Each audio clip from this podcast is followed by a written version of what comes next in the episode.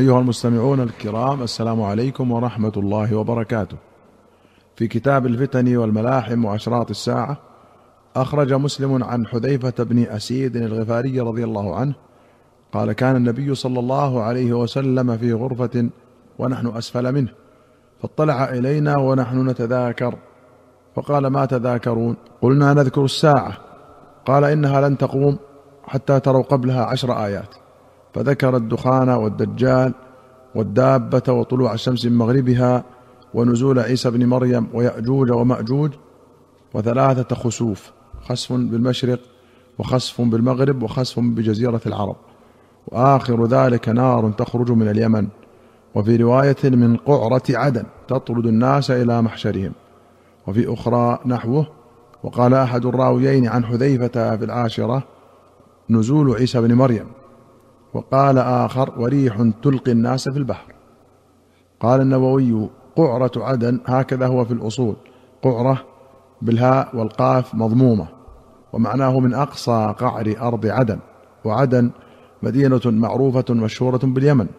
وقال القاري قوله وريح إلى آخره لعل الجمع بينهما أن المراد بالناس الكفار وأن نارهم تكون منضمة إلى ريح شديدة تلقيهم في البحر.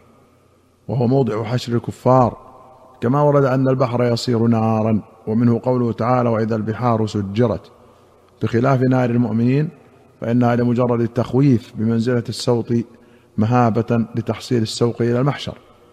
وأخرج البخاري عن أنس قال بلغ عبد الله بن سلام مقدم رسول الله صلى الله عليه وسلم المدينة وهو في أرض يخترف فأتاه وقال إني سائلك عن ثلاث لا يعلمهن إلا نبي ما أول أشراط الساعة وما أول طعام يأكله أهل الجنة ومن أي شيء ينزع الولد إلى أبيه ومن أي شيء ينزع إلى أخواله.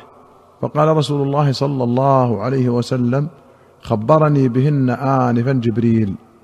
قال جبريل قال نعم. قال ذاك عدو اليهود من الملائكة. فقرأ هذه الآية من كان عدوا لجبريل فإنه نزله على قلبك بإذن الله.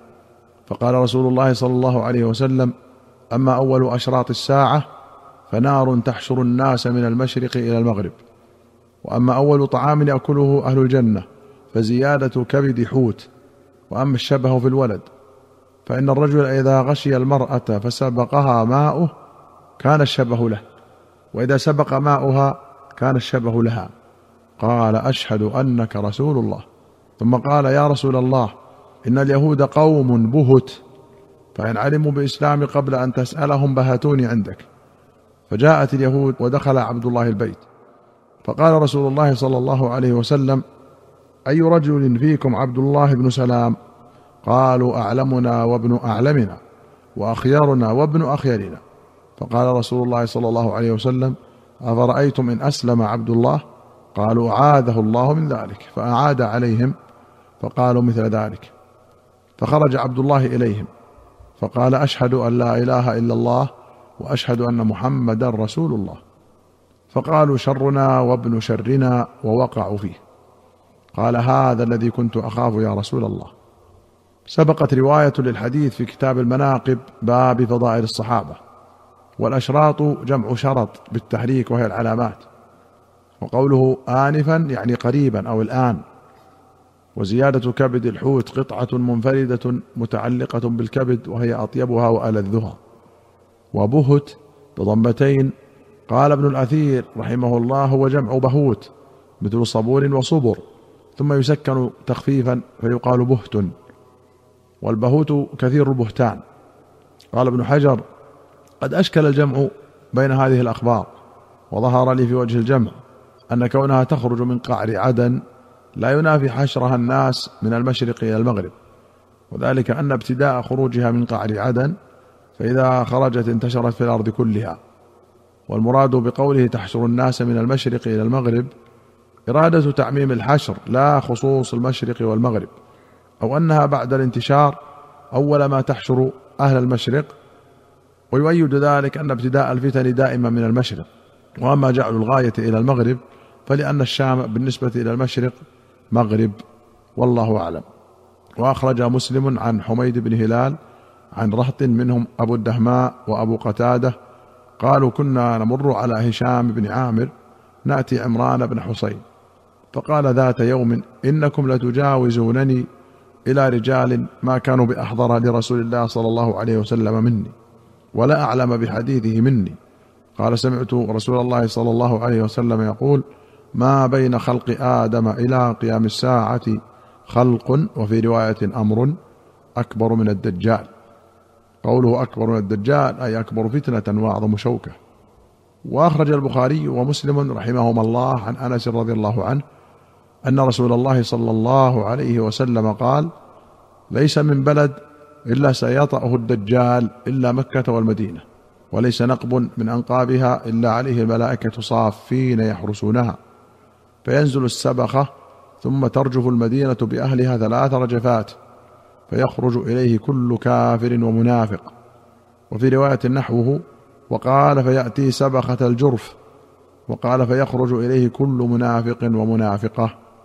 السبخه بفتحتين وخاء معجمة أرض مالحة وقد يسكن ثانية. وسبخة الجرف مكان بطريق المدينة من جهة الشام على ميل وقيل على ثلاثة أميال. وتقدم الجمع بين هذا الحديث وحديث أبي بكرة في باب فضائل الأمكنة قوله لا يدخل المدينة رعب المسيح الدجال.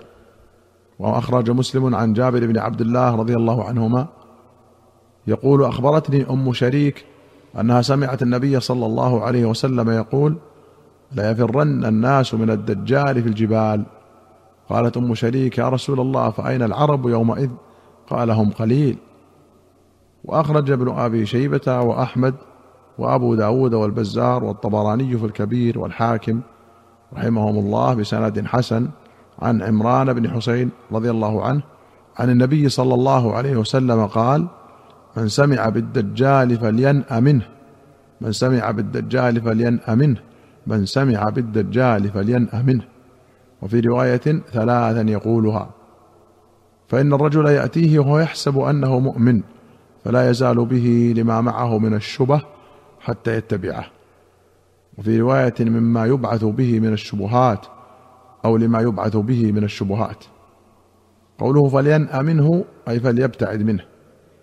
هذه رواية أحمد والطبراني وهي رواية الإمام ابن الأثير عن أبي داود. وفي نسخ أبي داود المطبوعة فلينأ عنه. وأخرج البخاري ومسلم عن المغيرة بن شعبة رضي الله عنه قال ما سأل أحد رسول الله صلى الله عليه وسلم عن الدجال أكثر مما سألته. فقال لي أي بني وما ينصبك منه؟ إنه لن يضرك. قلت إنهم يزعمون أن معه أنهار الماء وجبال الخبز. وفي رواية يقولون معه جبال من خبز ولحم ونهر من ماء. قال هو أهون على الله من ذلك. قوله ما ينصبك منه أي ما يتعبك منه والنصب التعب. وفي الحديث جواز قول الإنسان لغير ابنه ممن هو أصغر منه سنا يا ابني ويا بني مصغرا ويا ولدي. وقد تقدم في باب الترغيب في دين الجانب وحسن الخلق عند حديث أنس قال لي رسول الله صلى الله عليه وسلم يا بني. أيها المستمعون الكرام إلى هنا نأتي إلى نهاية هذه الحلقة. حتى نلقاكم في حلقة قادمة إن شاء الله. نستودعكم الله. والسلام عليكم ورحمة الله وبركاته.